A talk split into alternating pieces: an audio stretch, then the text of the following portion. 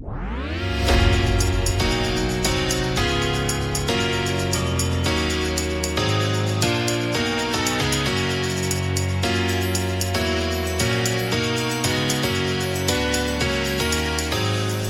shooting efficiency in the defense zone 2 against 6-0 defense in attack phase 3.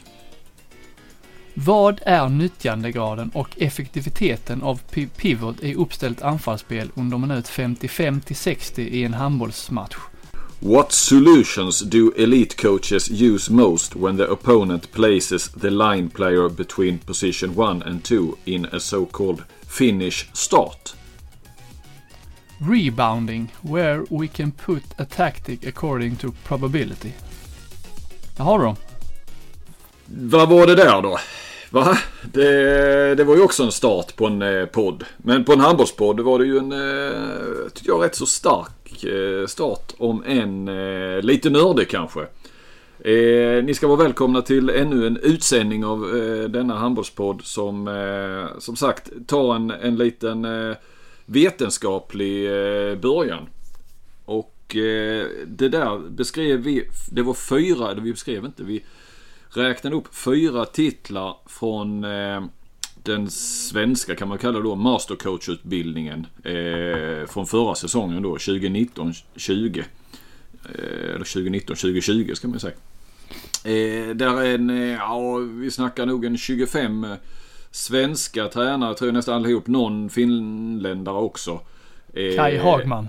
Ja, precis. Så jag begärde ut av eh, den utbildningsansvarige på förbundet eh, de här examensarbetena som eh, var och en gjorde och som eh, faktiskt är offentlig handling och de kommer läggas upp på eh, förbundets hemsida. Men det, de har inte blivit färdiga till det ännu. Men det kommer så att det är liksom inga, inga hemligheter här. Men eh, eh, ja, vi, och vi har ju inte, det här gjorde vi i förmiddags, eller jag, så att eh, och jag, jag skickade över eh, de här arbetena eh, till dig Robin. Vi har inte hunnit läsa så mycket men, men eh, eh samlade ihop bara titlarna då i, eh, i ett mejl. Och eh, ja, det är intressant att eh, läsa vad de... Vi kan ju ta några exempel till då. Alltihop är ju skrivet på engelska för att eh, ja, det är väl en internationell utbildning och jag tror att det, det ska finnas på EOFs hemsida alla gamla sådana här arbeten också från hela Europa så att alla ska kunna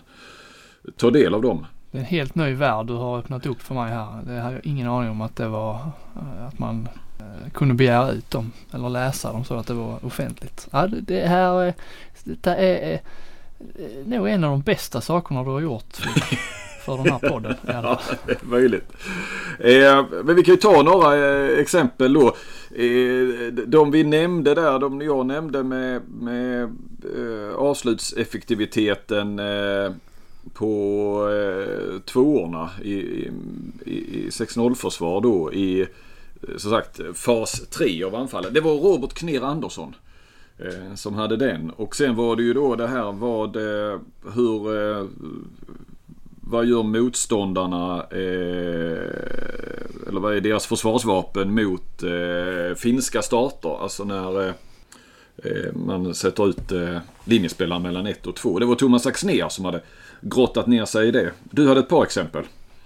Jag hade ju den här Thomas Röjde. Den, den var ju visserligen på svenska den eh, rubriken i alla fall. Jag har inte hunnit läsa hans själva arbetet. Men det var ju, jag, eh, var det nyttjandegraden och effektiv, effektiviteten av eh, pivot, alltså mittsex i uppställt anfallsspel under minut 55 till 60 i en, i en handbollsmatch. Det är ju eh, extremt liksom inzoomat på, på något vis. Det är nästan svårt att förstå nu när jag läser det igen. Nästan för svårt att förstå vad jag måste läsa den hela arbetet eller i alla fall eh, sammanfattningen av det. Vad är nyttjandegraden och effektiviteten av mittsex i uppställt? Ja det är liksom, eh, Mm. Och sista fem minuterna också. ja, Och, och eh, tydligen har han kollat då eh, Final Four i Champions Leage. Det är sådana matcher han har tittat på. Ja. jag hade Eh, också Jesper Östlund där, rebounding, alltså returer. Var kan vi sätta in en kan, kan vi sätta in en taktik baserat på eh, sannolikhet? Mm. Eh, den tycker jag Östlund var ju sådär. Det är ju sånt man eh, har man inte funderat så mycket på. Eh, det har nog inte funderat så mycket på det. Hur man ska liksom man kan göra något taktiskt eh, i försvaret för att vinna fler eh, returer. Borde vara något för eh, som Claes Hellgren kan vara involverad i. Alltså var också eh, inte bara taktik utespelarna utan om målvakterna kan rädda på ett speciellt sätt eller i alla fall försöka rädda på ett speciellt sätt. Det gör mm. man väl redan, man vill väl ha dem bak mål men eh, vill man effektivisera så är det kanske bättre att rädda den direkt ut till det egna försvaret. Mm. Eh, vad har vi mer? Detta, ja. Ja, ja, ja, ja, visst. Men vi kan ju bjuda på lite mer. Eh, Stian Tönnesen. Eh, how to come to wing positions in setup attacking play. Eh, jag, jag tittar lite snabbt på introduktionen där, eller hans inledande. Och ja, det är väl helt enkelt utspel till eh, kanterna det handlar om. Eh, och det vill han väl gärna använda i, i sitt eget Malmö gissar jag. Ja precis men jag kommer ihåg att han skrev någonting där om att eh, de var inte så bra på det. Inte ens i hans eget lag menar han. Eh, par stycken har ju tagit upp timeouter. Eh, hur man ska använda dem. Eh, Tony Johansson bland annat som är i Helsingborg nu.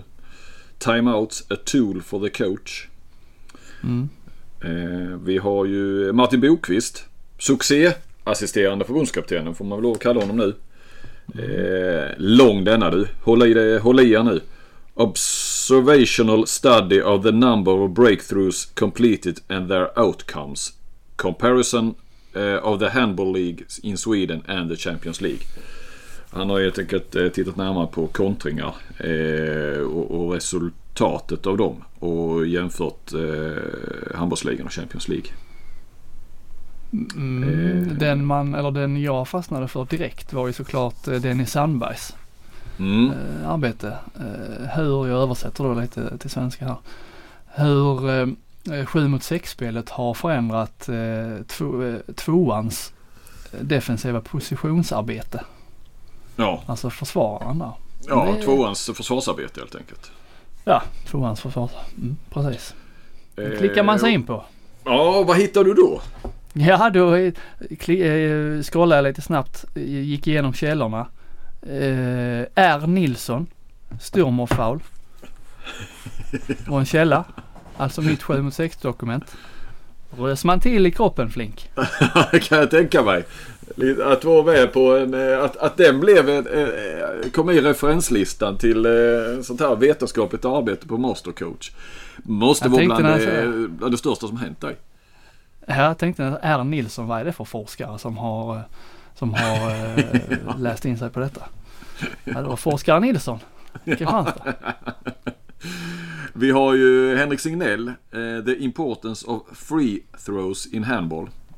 Betydelsen av frikast. Mm. Och vi har ju Dragan Briljevic. the Importance of Communication between the center back and the center front. Alltså kommunikationen mellan centern i ett 3-2-1 och eh, ja, det finns ju olika namn för han bakom där då men, men den, den eh, själva trean där då. Den ensamma trean Aha. bakom. Jag tolkar det som att det var center back, alltså mittnia.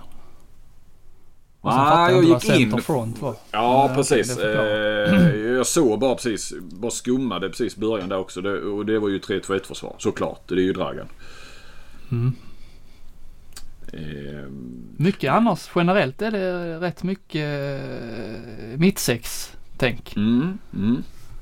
Det verkar de nyfikna på. Det är ju inte mycket eh, så här 9 meter eller vad man ska säga eh, kopplat. Alltså stor, nej det är inte några stora liksom spel. Det är mycket detaljer man går in på såklart. Mm, det, mm. det här är liksom the nerds of the nerds. Alltså det är verkligen nördigt. Jonas Larholm var med. Eh, hade ett rätt så slagkraftig titel. Stop the fa... Eh, stop, stop the fa... alltså, ja, var slagkraftigt. ja, stop the fast break. Utropstecken. Conversion defense. Alltså eh, tillbakadragande eh, när man har tappat bollen och eh, motståndaren. Alltså hur försvara sig mot kontring kan vi säga. Mm. och den läste den jag har tittat lite mer på och eh, för fastnade eh, rätt så snabbt där. Han hade en bra inledning där han eh, pekade på hur han från egentligen först 2011 i sin karriär insåg att det här med att, att försvara sig mot, mot kontringar. Det han hade fått lära sig menar han och, och denna han fått höra ända upp till han var alltså närmare 30 år. Det var att spring hem allt vad du kan och så vänder du dig om och så försöker vi stoppa motståndarnas kontring. Han fick en aha-upplevelse när Sverige förlorade då väldigt överraskande. Det minns du säkert. VM 2011 på hemmaplan. Eh, gruppspelsmatch mot Argentina. Den fick ju ingen betydelse så att säga för Sverige. Men, mm. eh, där han eh, efteråt liksom bara insåg att eh, man kan ju faktiskt försvara sig eh, på kontringar och kände han menar att Sverige blev utmanövrerat av en skicklig coach där argentinarna eh, försvarar sig på ett nytt sätt. I alla fall för honom då med en helt annan forechecking och, och så. så att, eh, när, när Sverige försökte kontra. Så att, eh, ja, intressant inledning där och han hade kört en Tror jag om, jag läste det rätt då i, i hastigheten eh, skickat ut en enkät till tror jag många av sina kurskollegor här och, och eh, frågat eh, liksom hur mycket de tränade på det. Och han försökte väl också komma fram till lite hur, hur man ska kunna jobba med eh, försvar mot eh, kontringar. Det är nog rätt eh, ett framtidsämne just det här med kontringar eh, eller snabba avkast generellt. Att hur man, för det måste ju mm. finnas fler mediciner än bara springa hem och hålla och koll på sin omgivning. Alltså man skulle mm. ju, det måste liksom gå att stoppa vid tidigt, tidigare stadie liksom. Mm. Den, den, den, får jag också. Att, eh, lite sånt eh, som, som där kanske handbollen ligger efter eller man ska säga. Och det menar han också jämför, när han jämför det med fotbollen med, med den här eh, gegenpress eh, det heter. Mm. Och, och eh, han menar basket också där eh, med fullplanspress och, och respektive på egen planhalva och så. Så att eh, han menar väl att handbollen ligger lite efter där i den, eh, ja, Man har inte hunnit dit ännu kanske, jag vet inte. Eller brytt sig om det. Men att där finns ju säkert någonting att... Ja men lite som det här med returer och så också. Känns ju rätt så outforskat som Jesper Östlund var inne på. Det är rätt kul med sådana här men för de flesta, eller handbollen är generellt sett spelar ju alla ungefär likadant. Om man mm. så tittar på Champions League eller handbollsliga eller eh, mästerskap. Det är egentligen, det är 6-0 försvar nästan överallt. Det är samma typ av anfallsstarter nästan överallt. Det är liksom ing, ingen, ingenting som sticker ut direkt någon i, vid något lag. Eh, och sen kanske inte man upptäcker allt. Alltså det här är detaljer. Eh, vissa detaljer kanske inte vi ser med blotta ögat. Det kan vara bara de allra, allra mest insatta ser. Men just sådana här saker, om man tittar på det Larholm eh, beskriver där, är ju, är ju liksom som grejer som potentiellt skulle kunna liksom förändra hela Mm. Eh, synen på, på hemspring och kontring och ja, sånt. Eh, det jag tycker jag är kul. Mm. Ja men det är kul om vi kan Ja, men vi, har ju, vi har ju genom åren haft de här, jag menar juggarna de kom med 3-2-1 försvar som slog världen med häpnad i, i redan början på 70-talet. Eh, vi har ju, ja men Lemgos den här eh, Tornado-handbollen som den sen mm. kallades i, i Hammarby. Men Eh, alltså som verkligen gjorde att, att som höjde ett lag till en, till en ny nivå för att de kom med någonting nytt. Mm. Eh, ja men 7 mot 6 spelet kanske då ändå Rein Eckerlöven eh, under Nikolaj Jakobsen och, och Magnus Andersson, eh, Porto och, och, danska landslaget där har väl eh, eh det, det, var ju en regeländring men, men eh, de har utnyttjat den till max mm. kanske. Mm. För det är ju kul när det är jag pratade med Martin Bokvist eh, rätt mycket under VM. Eh, det var lite kul så för att jag eh, jag försökte prata med honom inför varje match. Alltså, ja, det blir ju varannan dag då mellan matcherna för att Ja, eh, Solberg eh, bjöd inte på mycket i intervjuer och eh, eh, jag förstår eh, Bokvist bättre och vi har liksom mer en, en, relation som går längre tillbaka så att säga. Så att eh, det här mästerskapet nu blev det att jag pratade rätt mycket. Hur, då, hur, och det var sånt som Ja, det, det, gav ju kanske inga, det gav inga rubriker eller citat utan mer bara en, gav mig en viss förståelse till när man ja, olika beslut och ja. tankegång. Ja, precis. Eh, Ja, och hur de tänkte inför eh, matcher och lite sådär. Eh, För övrigt var det lite roligt därför han sa då eh, en bra bit in i VM att eh, nu hörs vi varje dag men det, det slutar vi med efter VM. Alltså när det är slut. Så ja, ja jag lovar. han var eh, kanske inte lika road. Nej men det kändes som att han tyckte det var helt okej. Eh, Men då kom vi in lite på, på eh, eh, ja men jag var inne på ja men det här med mm, Sverige och Danmark och Norge. Är det, är det liksom framtidens handboll lite sådär med eh, jag menar nu var det ju inte... För några år sedan du kom ihåg med Kristopans i Varda och sådär va. Det är många som menar att det här är framtiden och, och vi kommer att eh, få se det här. Alla spelare, alla lagen kommer ha en, en, eh, minst en sån här enorm monster till eh, och Eh, och så kommer Sverige, eh, Sverige, framförallt eh, Sverige och Norge kanske liksom med den här snabba, eh, ganska enkla handbollen. Inte några jättar och så. Det har inte Danmark heller. Jag menar Mikkel Hansen är ju inget monster på det viset. Han är ju en fantastisk handbollsspelare med fantastiskt skott. Men det trodde, alltså det jag ska komma till var ju ett Bokvist, ja men han trodde väl inte så. Och just att han gillar den här alltså skillnaden. Att, att eh, ja, alltså det kanske finns ett lite skandinaviskt sätt. Eh, mer likheter mellan Sverige och Norge. Men, men just att ja, men spanjorerna ska ju göra det de är bra på. Nu, nu tolkar jag honom. Men, men just det här att det är ju lite tjusningen med handbollssporten. Men jag håller med dig att väldigt mycket är ju likt ju. Men, men man får ju gå rätt så hyfsat. Inte kanske de som lyssnar på podden här är ju ganska, eller väldigt handbollsintresserade. Men, men eh, och ser ju skillnaderna. Tror jag säkert många som lyssnar ändå. Men, men eh, ja, tjusningen är ju den här liksom särarterna på något vis. Och det, det är väl de man vill främja. Det är väl det jag skulle komma fram till. Eller främja men lyfta. Jo men... eh, Men som inte är så lätta att se. Du får ju liksom zooma in en hel del ändå för att se tydliga Absolut. skillnader mellan, mm, mellan lagen. Ja, Alltså även om man ser Spanien spela på sitt sätt så liksom i det stora hela så är det ju inga, det är rundgångar där också. ja exakt. Mm. Du på den här listan, här är några namn här som eh, har gått den här mastercoach som jag inte riktigt känner till. Kan, kan du vilka alla de här är? Kai Hagman. Nej, men han var ju finländare. Ja. Eh, vi har en Björn Månberg. Eh, har jag inte koll på.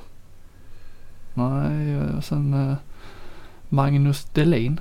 Nej, inte det heller. Nej. Så att, eh, det blir man lite intresserad eller lite nyfiken på. Pontus Ward Du- Wiklund. Jo då, eh, han var ju tränare i Kungälv. Tror jag det var. Eh, eller var det Önnered? Han, Och ju- eh, Hamed är väl Kungälv va? Kasrai. Ja, men han tog väl över där va? Eh, Ah, från, okej. eh, Och Pontus är ju nu eh, förbundskapten för det yngsta landslaget tror jag. Ja okej. Mm. Ja det var... Tror faktiskt också han var videoanalytiker till eh, Axnér nu under EM. Ja, där inte ser man. helt fel för mig. Mm. Janne Ekman var också med här, det har vi inte nämnt. Nej.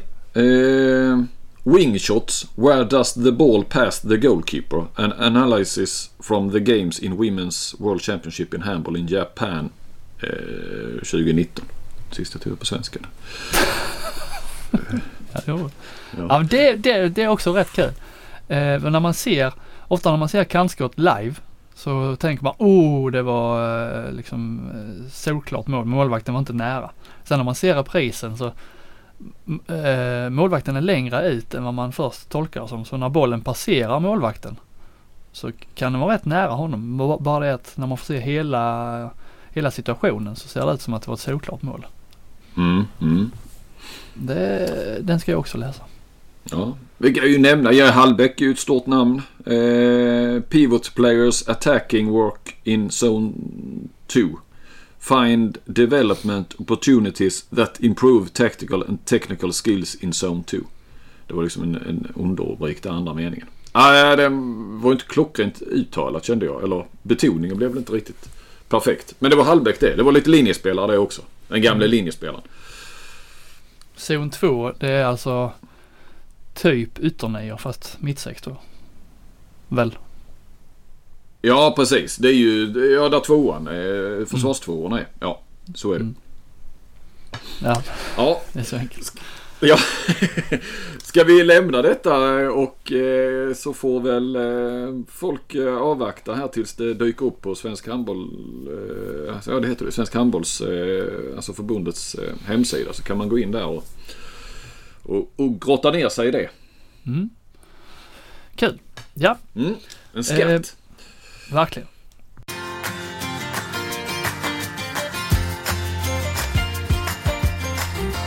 Handbolls-VM, Flink, är ju slut. Det känns som att vi borde mm, eh, ta det i mål lite och eh, även om det nu har gått några dagar och vi har väl hunnit smälta, smälta alla intryck. Eller du, du, du, har, du har slutat ringa Bokvist eller har?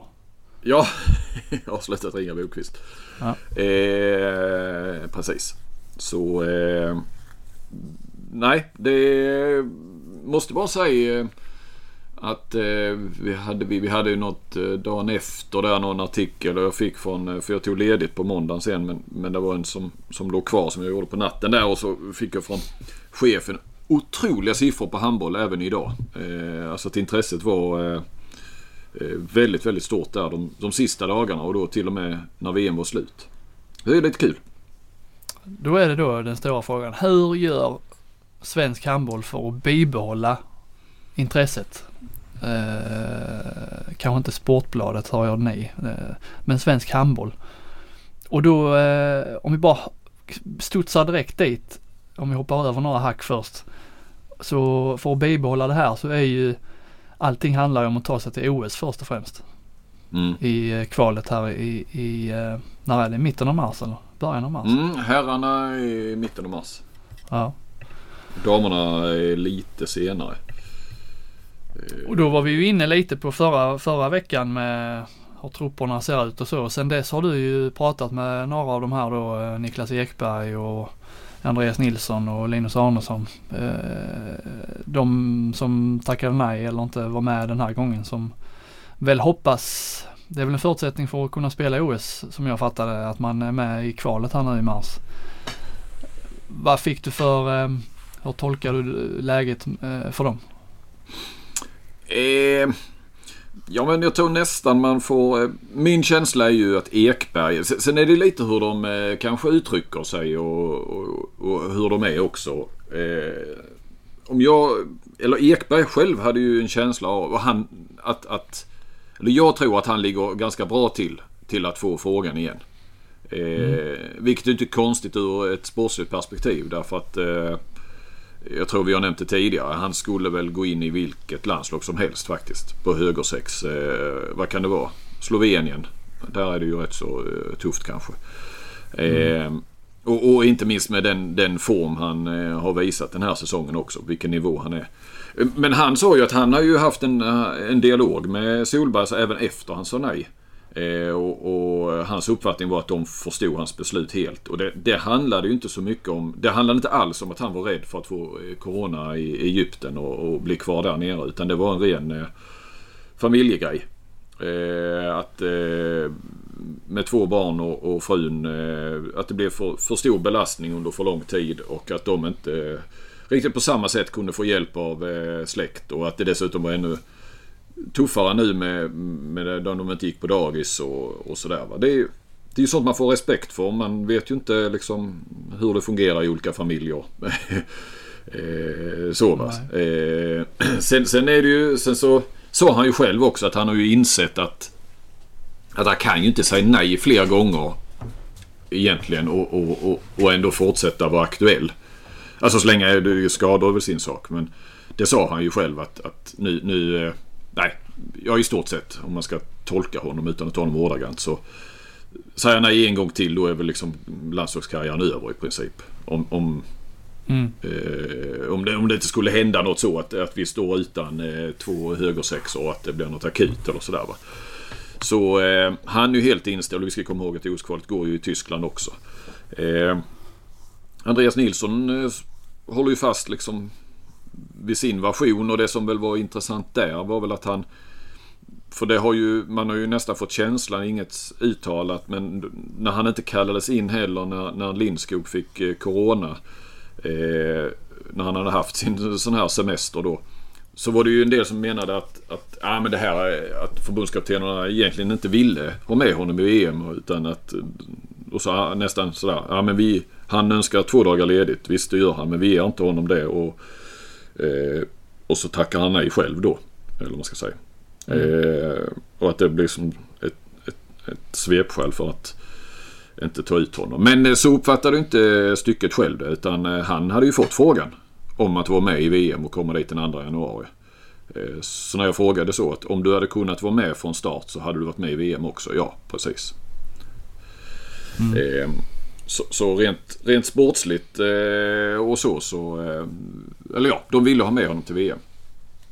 Mm. Eh, sen är väl frågan då om, om hans bevekelsegrunder till att tacka nej. Eller nu, han säger själv, det är så konstigt. Och jag varje gång jag skriver att, att liksom bara referera till att Andreas Nilsson har tackat nej så, så får jag någon tweet eller någonting. Nej men han tackar inte nej. Nej fast han tackar ju nej under de premisserna som, som gavs till honom. Så att, ja, en ren eh, semantisk fråga nästan. Men mm. eh, ehm, det, det, är ju frågan liksom hur, hur eh, hans, eh, hans bevekelsegrunder att tacka nej då. Eh, hur de tolkas av Solberg eh, kontra Ekbergs då. Samtidigt som Ekberg tackade nej två gånger eh, även till eh, EM-kvalet. Eh, Eh, han var med i bruttotruppen. Lukas Nilsson sa ju till så tidigt så att han var inte med i bruttotruppen. Och nu visar det att den bruttotruppen som togs ut. Det ändrade IOF så att man, man kunde ändra i bruttotruppen ända fram till dagen före premiären. Vilket ju var turen när, när Sverige faktiskt hade tre spelare som, som inte ville vara med i VM men var med i bruttotruppen. Mm. Eh, Linus Arnesson menade, ja han var ju mer alltså vad händer om jag får Corona där nere och, och så och, och blir kvar. Och, att, och det hörde jag också in mot, eller rätt så tidigt där innan VM att det fanns, arrangörerna kunde inte eh, svara på en hel del frågor. Jag vet att danskarna ställde vissa krav att, eh, som de ville ha svar på innan de eh, hade alla sina spelare med på båten eller ville skicka ett lag. Och att det kom väldigt sent och Arnesson menade att hans osäkerhet, då, det fanns liksom inte svar riktigt på, på hans frågor när han så pass tidigt som när han skulle ta sitt beslut. Ja, som vi varit, ja, det... inne, på ja, varit inne på tidigare så. Jag menar, Arnesson är ju rent... Eh, liksom, det blir ju svårt för honom att ta en plats när eh, Felix Klar och Gottfridsson och Alfred Jönsson och, och Karlsbogård är så bra som de är. Mm. Och eh, högernia kommer han ju inte att spela så det är som han gjorde i EM. Det lär inte vara aktuellt igen. Det gick ju inte så bra och nu finns det ju fler högernior att tillgå igen som är på bra nivå. Så att, eh, Ja, nej och sen det är liksom eh, med tanke på hur viktigt det här OS-kvalet är. Det finns ju inte samtidigt som eh, Glenn Solberg vill liksom behålla det här lagkänslan och det bygget han gjorde där så finns det ju, det är ju, det är ju inte läge för någon eh, onödig stolthet eller prestige här med tanke på att det, alltså det här OS, att, att, att det är liksom, det är ju inget vanligt EM-kval eller VM-kval som man kan lalla sig igenom liksom nästan med vilket lag man än tar ut. Utan det är ju verkligen sätts ju på sin spets direkt då. och Så har man dessutom en tuff grupp med, med Tyskland, hemmaplan och Slovenien i, i gruppen där. Mm. Bara två lag som går vidare. Så att det är ju rent sportsligt hade man nästan känt att det är det bäst, absolut bästa laget som går att ta ut, måste han ta ut. Och sen samtidigt då behålla rätt balans i, i, eh, i liksom inom gruppen. Det är, jag tycker det är, eh, är, är lurigt läge. Även om jag håller med att Ekberg borde ju vara given. Då är det mm. mer spännande att se vem som i så fall åker ut. Ja, vi var väl inne på det sist. Är det, är det framtiden Krintz eller är det han som är nummer ett nu, DP? Den, mm. är, ju, den är ju intressant. Eh, jag tänkte Annars också, kan jag säga generellt det här med hur man ska liksom ta tillvara på framgång. Alltså landar alltid i det. Allting, vilken cirkel allting går i där. Att handbollsintresset startar med med landslaget. Att det är där man får upp ögonen för sporten och det är där man har sina förebilder och idoler. Och sen, ja alltså det bygger liksom på att det går bra för landslaget. Och det är därför man också blir så allergisk mot när det tackas nej lite till höger och vänster.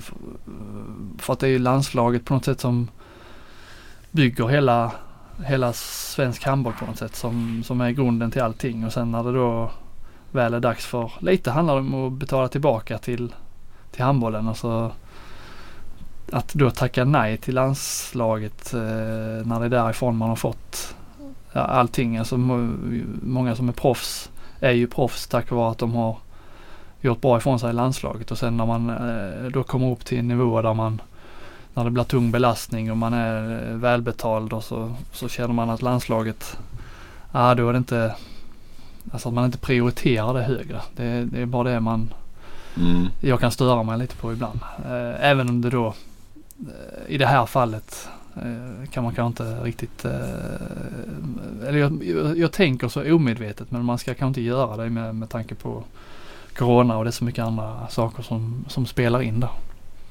Men det har man ju fått liksom i sociala medier. Det har ju varit mycket hugg på de här spelarna som inte har varit med. Mm. Och normalt sett, normala mästerskap så hade jag väl, eh, jag har väl också gjort mig skyldig till den kritiken. Mm, mm, och det står jag för fortfarande. Men just den här gången så kanske man eh, får se lite mellan fingrarna. Ja, det är... Och, och jag skrev ju en grej där eh, efter, ja i måndags publicerades. Det var väl den som också var ett stort intresse för just hur Solberg resonerade. Och, och, han är ju tydlig med att de här straffas ju inte. Eh, för att de tackade nej så, så eh, är de inte, så är inte dörren stängd från eh, lagledningens sida inför OS-kval och, och framtiden. Eh, utan han vill ju ha så många som möjligt att välja på. Och sen så är han ju tydlig med att det är klart att de som var med om den här VM-framgången har ju stärkt sina aktier. Eh, och, och, de som tackar nej. I, alltså det är ju allas tolkning. De satte ju, jag menar, de satte ju sina platser på spel så att säga. De var ju ganska givna innan. Sen är det ju inte säkert att Linus Arnesson ens hade, det vet jag inte. Jag vet inte liksom i vilken ordning. Eller ja, han hade ju jag menar någon, någon, form av fråga fick han ju eftersom han eh, berättade själv hur mycket han diskuterade hemma då. Eh, mm. Så, så eh, sen vet man inte i slutändan om han hade tagits ut för att det blev ju väldigt bra på den positionen.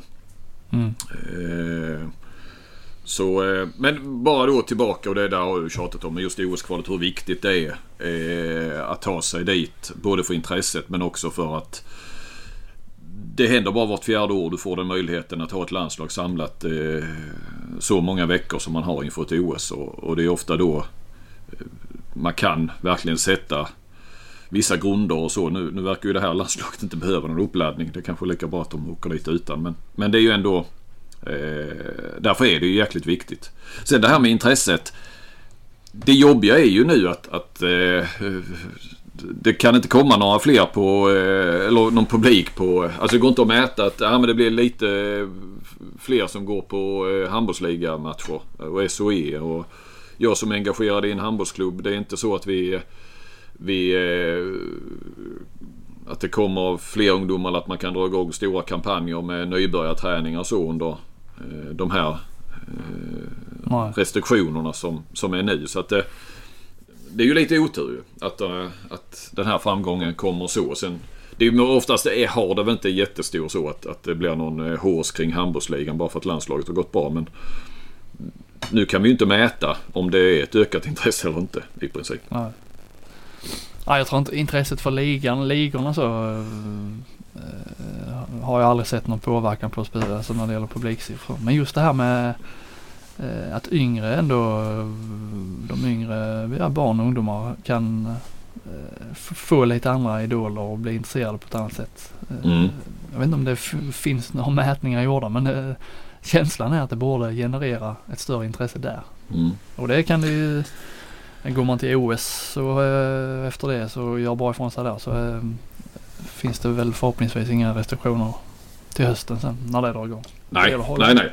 Ja, nej precis. Och sen just med handbollsligan när det inte Jonathan Edvardsson är ju den enda som spelar handbollsligan från det här laget. Det kan ha varit skillnad om eh, Kim Andersson och, och eh, hade varit med och, och, och liksom sen att det hade blivit liten, i varje fall i början, några, mm.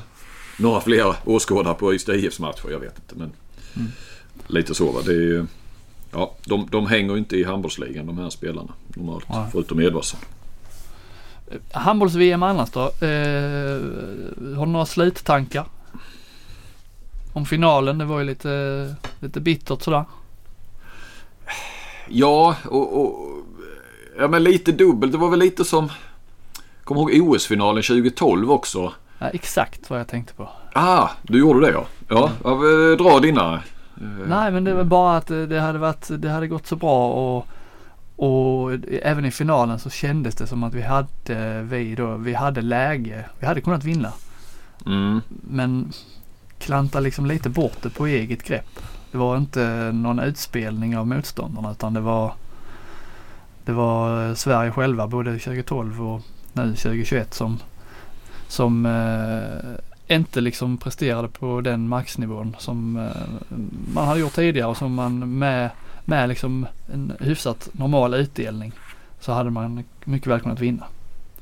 Ja, eh, men, men ändå hade jag känslan lite som, nu satt jag och skrev sådär under andra halvlek så, så, och jag har inte sett om finalen men att eh, Visst, man slutar ju aldrig förvånas över det här laget. Eh, och, och, jag såg också att man ledde en bit in i andra halvlek. Men någonstans så var ju känslan att ah, det var ändå en bättre motståndare.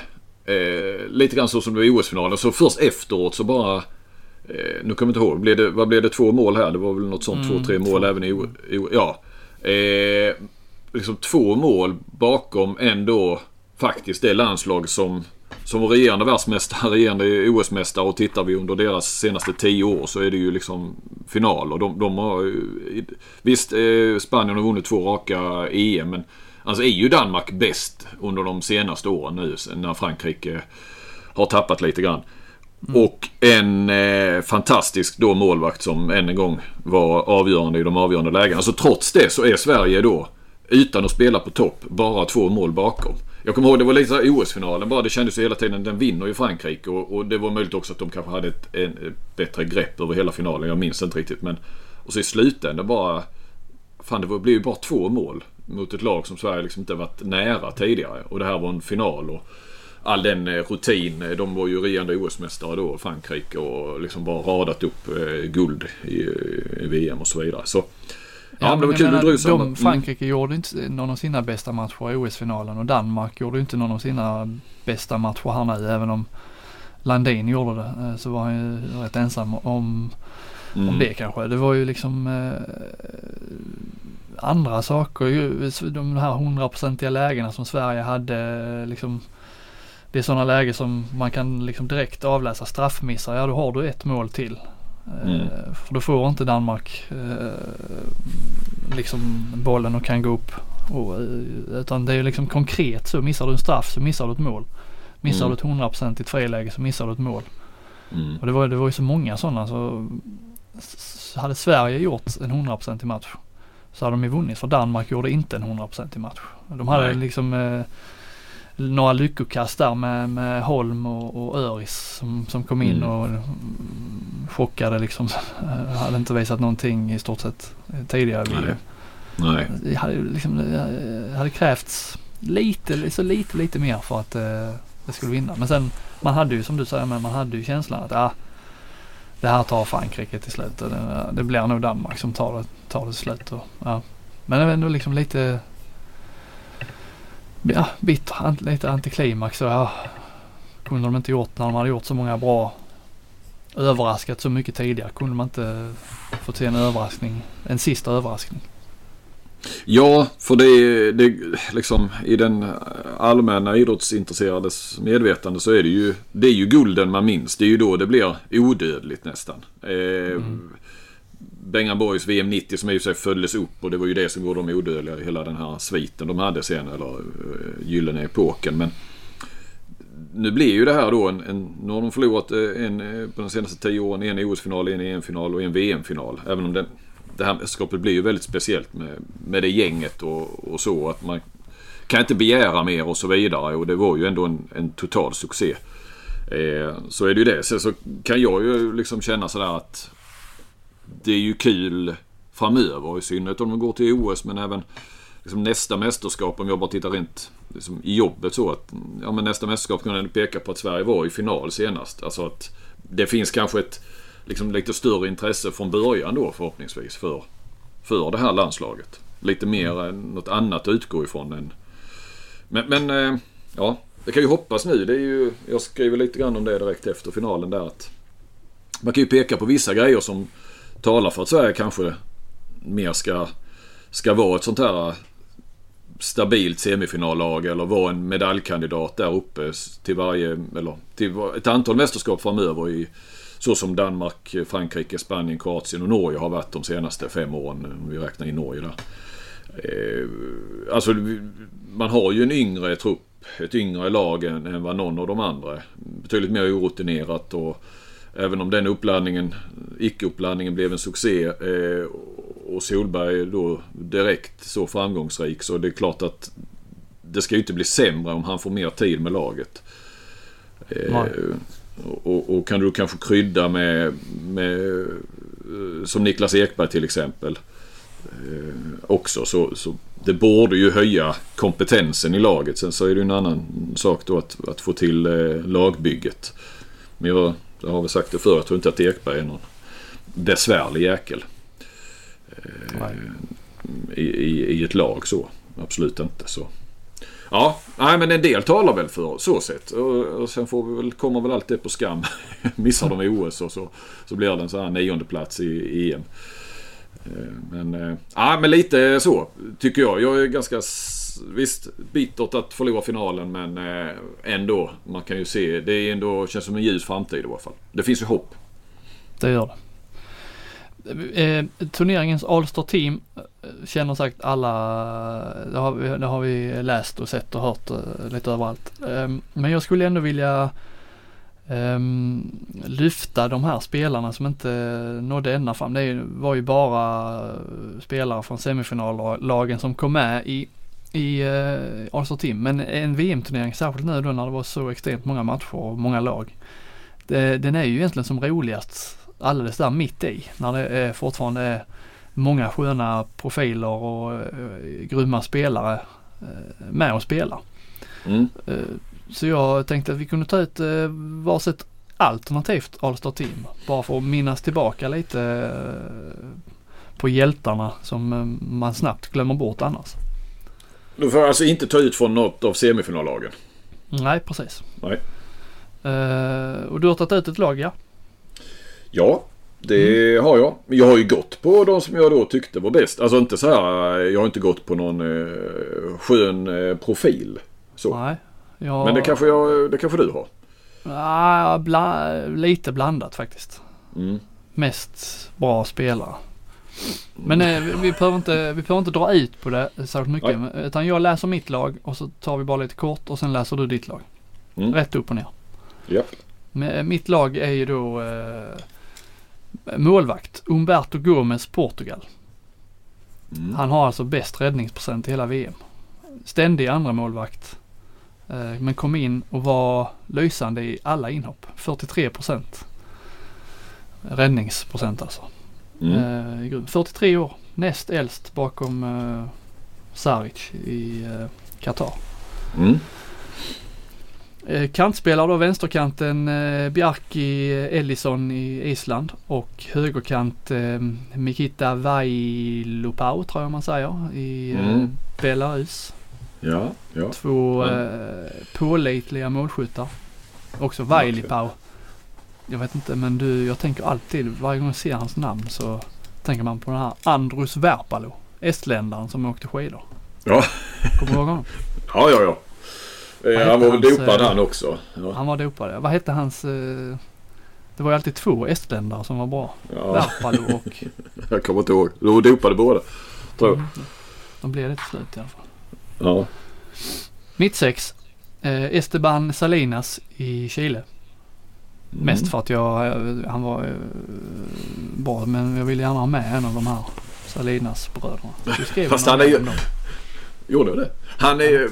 Fast han är ju inte bra utan sin brorsa. Det är ju det som är. Så du måste ju nästan ha med honom också. Det, ja, det har jag du inte då. Om du... Jag petade brorsan. Okej, då, blir, då kommer inte han att och, vara särskilt Han bra kanske är det här alternativa lagets svagaste position då. Kanske. Ja, ja. Eh, inte utan din meter. bror. Den är däremot stark. Mm. Vänstern är Frankis Marso då i Qatar. Mm. Skyttekungen. Eh, Given. Elegant spelare. Väldigt, eh, vad ska man säga, ren och fräsch ser han ut eh, hela tiden när han spelar. Kuban. Det finns ju en del. Eh, Kuba har väl inte... Jo, de var bra där i något VM 99 eller 2001. Eh, sen så hoppar ju många av, eller vad man ska säga. Eh, du har han Orios ju i, i Ciudad Real och du hade några i Ungern också. Peres och vad de hette. Så de har, eh, har kommit en del fina handbollsspelare från Kuba utan att kubanska landslaget har varit så särskilt bra då. Mm. Capote är väl med kuban? Ja, ja, ja. Qatar. Absolut. Mm. Uh, mitt är då eh, nästan tråkigt väntad men André Schmidt i uh, Schweiz. Som ju Ja. uh, still going strong. Fast han börjar bli till åren kommen. Högern är då den mest, eh, jag vet inte om man ska säga elegant, men han är en uh, Jure Dolonec, sloven. Ja. Mm. Härlig lirare på, hön- på högerna. Annars mest, mest bombare liksom där. På den Mm. positionen. Och sen har jag Nej. tagit ut en coach också. Jag vet inte om det ingår i, det gör det väl inte i det officiella. Men jag har eh, Valero Rivera där, Qatars spanjor som ändå eh, gick till kvartsfinal före eh, Kroatien slog Argentina där. Det var, jag tyckte det var, eh, han har ju liksom inte något överdrivet starkt lag, Qatar, men ändå var med där bland de åtta bästa i världen. Tycker jag var. Alltid en räv bakom örat också. Det var mitt lag. Ja, då ska Eller jag... några likheter. Jo då, det är två positioner vi har samma. Mm. Eh, så eh, vilka tror du vilka tror du att det är? Nej, det kanske är så. Jag tror att det är Frankis Marso och André Schmidt. Nej, Marzo, eh, Frankis är rätt på vänsternio. Jag kör mitt lag. Eh, ah, och jag är liksom lite sämre kanske på så. Du hade ju lite så personliga favoriter då. Dolonet kändes ju som en sån till exempel. Eh, men i mål så har jag Roland Mikler. Eh, Ja, han är ju verkligen inte en personlig favorit till mig kan jag säga. Han är inte det nej. Nej, det... Men eh, han heter ju Roland och han var bra. Eh, framförallt, jag såg ju Ungern-Tyskland där. Då, då, då var han ju fantastisk. Ska väl eh, nämna också Morawski i, i Polen som var eh, riktigt vass också. Mm, det håller jag med om. Mm. Sen har jag då samma vänstersexa, islänningen Elisson. Eh, Ja, som du hade. Mm. Och på högersex har jag ju då kvar min eh, tjomme Egyption eh, Sanad från eh, mitt. Jag tog ju ut ett sånt All Star-lag. Eh, Ja. eh, direkt efter. Så jag kunde ju behålla honom. Det känns konstigt att ta väck honom i detta. Ja, han var ju bra. Ja, och eh, på linjen eh, har jag också kvar, jag tror jag tog honom till slut i, i mitt officiella, om man ska säga, Banidi, Ungern. Eh, han var ju helt- helt otrolig mot eh, tyskarna och är ju jäkligt bra. Eh, Ja, oerhört som tvåvägsspelare också. Och sen har vi då Frankis Marzo. Han heter ju, alltså det står Frankis på ryggen va? ja, jag fattar inte heller riktigt men jag antar att det är Frankis i förnamn. Ja. Ja, jag tror också det. Han har jag. Ja, sen, så, sen hade jag först Sag, Sagosen som mittnia, men det, det, det är ju trist. Men det är klart att han var jävligt bra och, och Norge gick inte till semifinal. Men jag tog Leka i, i, i Ungern. Så det är rätt mycket ungrare här nu. Ja, rätt jäkligt mycket ungrare. Och så hade du Mm. en polack med men det, du brann ju lite för det att det var, gick bra för dem när de ska arrangera Ja, ja, nästa. ja, ja precis. Eh, och högernia Jahir Omar. Mm. Eh, kan vi också diskutera om man ska heta Jahir eller Omar eller vad man säger. Han heter ju båda men vad man, jag har inte riktigt fattat det heller. Tyckte han var lite svår att hitta i det här eh, hållet. För man blev inte riktigt klar på vem vad han hette. Nej, nej. Nej, precis. Eh, han var ju också strålande. Eh, coach Cadenas i Argentina. Mm. Eh, Ja, det är ett starkt lag. Det hade nog eh, slagit mitt lag. Ja, eh, sett kanske så till vad de presterade i VM så Eh, Jag gillar ju annars Egyption eh, Mamdou, det är mittsexan där. Men han spelar inte försvarsspel och man vill gärna ha eh, tvåvägsspelare. Även i All-Star-lagen. ja, ja. Annars var ju han bra eh, hela, förutom en match. Men eh, han var ju Det var ju Sanad och Mamdou var ju eh, de som väl var genomgående bäst i Egypten. Ja, så var det nog. eh, blandade insatser. De varierar ju rätt mycket där på, på högerna också. Mm, mm. Ja, du hade ju veteranen El Almar där va? Eh, också såklart. Ja. Men eh, ja, Ja, det var starkt. Nej men det var, eh, det var ett roligt VM. Jag tycker det var det roligaste, kanske delvis lite på grund av att Sverige, eller tack vare att Sverige gick så bra. Men det var, jag tycker det var det roligaste mästerskapet på, på länge. Mm. Ja, jag, jag, Snabbt i och för sig. Det var ju EM, EM-final 2018 för svensk del. Det, av det minns man inte speciellt mycket det mästerskapet. Nej. Men det kä- kändes som att detta var roligt. Ja. ja, och det blev ju lite annorlunda för, för egen del också. Att man följde det. Men var det Eh, bättre eller sämre? Det kan väl inte vara bättre?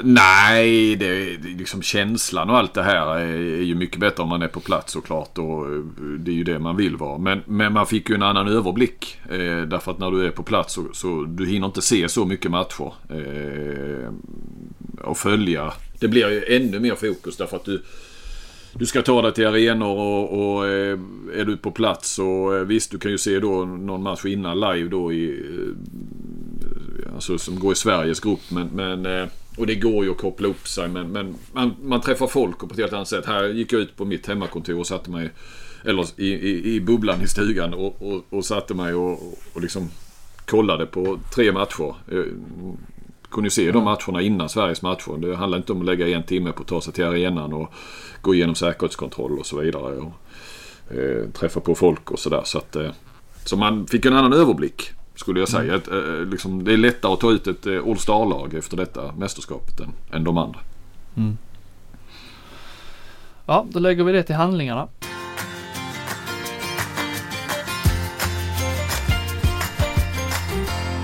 Lite bara handbollsligan innan vi avslutar idag då. Eh, den har ju rullat igång, varit igång faktiskt ett tag för vissa, vissa lag. Eh, Kristianstad, man kastas ju rakt in där. Du vet hur det är efter ett mästerskap. Det är bra att- snabbt se, se några Ja. matcher i den inhemska ligan för att liksom komma tillbaka till verkligheten där man befinner sig.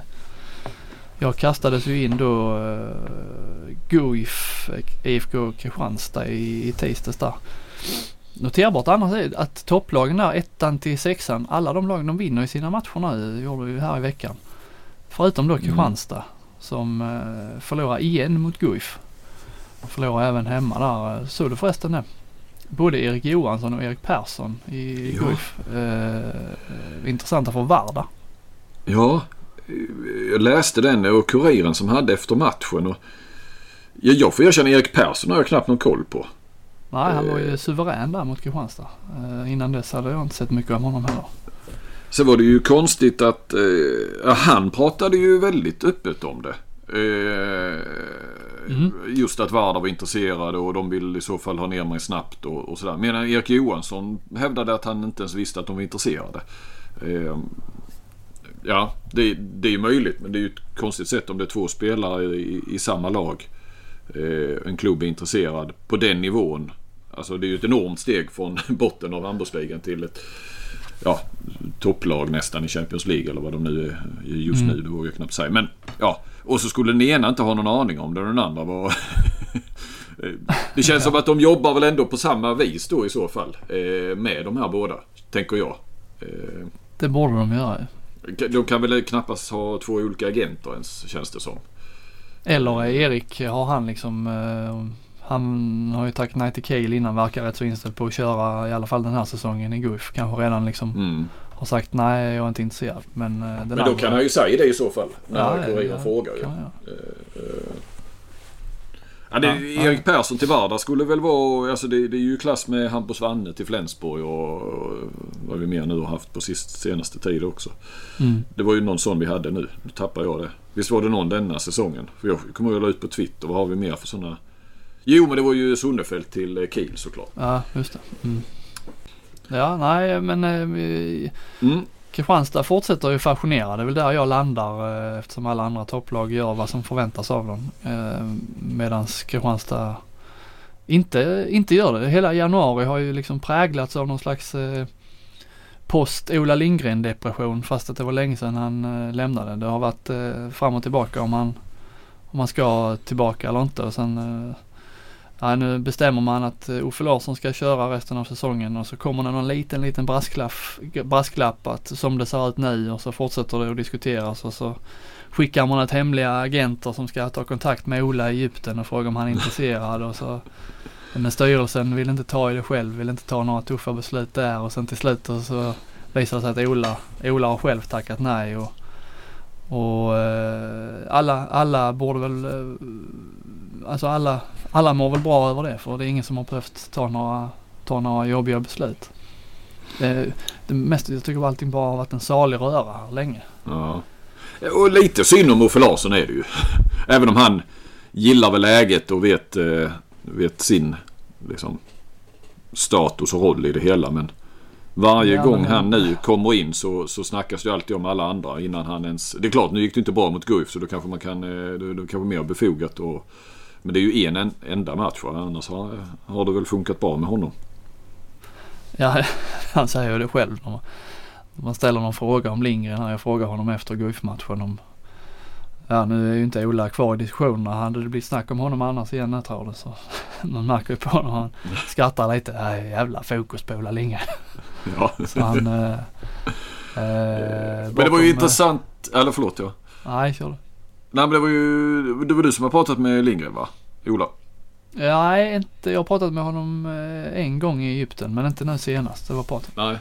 Ja det var, ja, det, var det ja. Eh, Men det var ju ändå liksom lite intressanta svar från, från Lindgren där. Dels tyckte han det var konstigt att eh, det fördes liksom... Hela det här snacket var så publikt då, eller Kristianstadsbladet, att man liksom... Ja men lite grann körde rekryteringen genom Kristianstadsbladet eller vad han uttryckte. Det är ju... Ja, det vill man kanske inte. Det är kanske bara ni som gör ett jäkla bra jobb helt enkelt.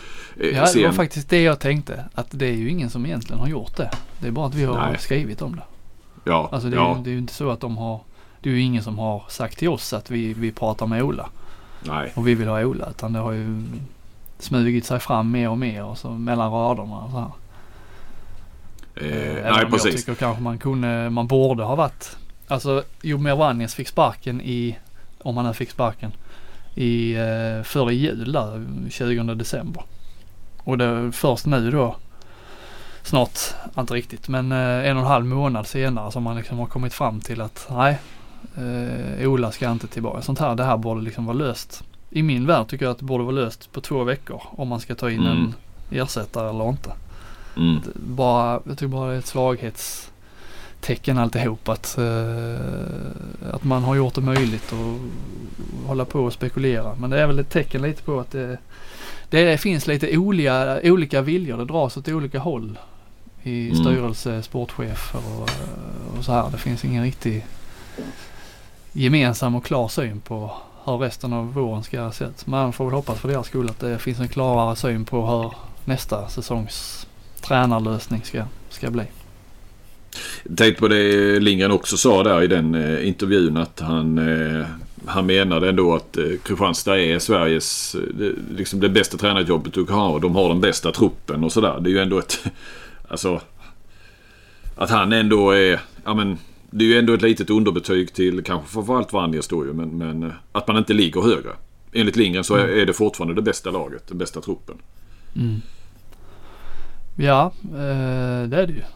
Och på pappret så går det väl inte att och jag protesterar inte. Samtidigt är det ju det är ju ny, nytt, lite ny situation för dem för nu är det liksom andra klubbars spelare som eh, på, vi ser Lugi eh, tappar Wallinius där, han går ut och blir proffs i Montpellier. Det pratas om de här GUF-spelarna. Eh, det är liksom andra Mm. klubbar som har de här yngre talangerna som, som är på gång uppåt och som jagas av eh, europeiska klubbar medans Kristianstads liksom ryggrad är ju tvärtom nu. Innan var man ju där med eh, när alla drog i Kristianstads spelare. Nu är det ju Mm. ingen som drar i, i Marcus Olsson eller Olof Gudmundsson eller Fredrik Petersen, Anton Hallén. Alltså den, Nej, nej, Emil. Frend har ju också varit ute. Eh, så- att det är liksom ett, de är ju ett annat läge jämfört med var man var för några Mm. år sedan. Mm. Lite faktiskt jag noterade i den här VM. Jag tror jag nämnde i någon tweet att eh, med tanke på vad RIK har varit i handbollsligan de senaste 10-15 åren egentligen. Eh, ja, slutspel ibland men och, och ibland inte och rätt ofta nu utanför slutspel. Så var det ju många med, med förflutet i RIK som var med i den här truppen. Eh, och ganska också, det där har jag varit inne på lite förr ju med Ja det var ju några år sedan då Göteborg hur de hade tappat då Göteborgs handboll. Eh, på både dam och herr och, och liksom landslagsspelare och, och i, i klubbar och talanger och så vidare då. Det, liksom Skåne hade tagit över men det var rätt mycket Göteborg och Västsverige. Fortfarande är det ju skåningar mycket men eh, i VM-trupperna som eh, Klar i Norrköping men alltså du har ju de här tidigare i Alingsås och Sävehovare då ju och, och så vidare. Så att, eh, Ja, eh, intressant möte ikväll då för, för min del eller vår del med, med just Lugi då med, med Wallenius och, och, eh, och Kristianstad som ju eh, ja, sista chansen kan man inte säga men det känns som att det är sista chansen i alla fall haka på och kunna ta några placeringar där. Då måste man nog besegra i alla fall Lugi som, som ligger precis ovanför dem i tabellen. En klassisk fyrapoängsmatch. Ja, och Wallenius till Montpellier, det sa vi kanske inte då, eh, klubbadressen Nej, där. Mm. Men- Och så såg jag nu innan vi spelade in det kom det idag, Thulin, Tobias, lämnar Magdeburg för Stuttgart. Mm. Eh, ska bli ersätta Bitter där då tror jag. Eh, Sen eh, väntar vi väl in Anton Lindskog till Flensburg fortfarande. Ja, ja, det är väl bara en tidsfråga innan den blir officiell. Och så Erik Persson till Vard. Ja. En smällkaramell. Det var direkt också. De ville ha honom direkt. Det måste vara panik där nere. Ja. ja. Han kan ju inte räkna med att få någon lön utbetald. Det kan man ju inte göra. Från. där, är nog, där är nog vissa, eh, vissa eh, större spelare som det är viktigt att hålla på bra humör om de nu eh, har någon liten slant över till den 25 i varje månad så är det nog viktigare att, att vissa spelare får... Erik Persson tror jag inte kommer att liksom strejka han överst. inte får lön på ett par månader. Nej. Ja, nej, men det är gött. Då eh, syr vi ihop detta och eh, tackar för oss Flink. Vi är tillbaka då igen. Blir det om två veckor då. Eh, Återgår till det vanliga schemat. Ja, nu har vi ju nästan jobbat ihjäl oss här med... Du ska väl vara ledig hela februari eller? Nej, det ska jag inte. Jag ska vara ledig lite grann. Men eh, nej då. Det är jag inte. Jag ska inte vara ledig så mycket. Ja, det är bra för dig också att komma ner eh, till golvet igen. När man har varit Ja. upp. ja. Suttit och sett många matcher på TV. Ja.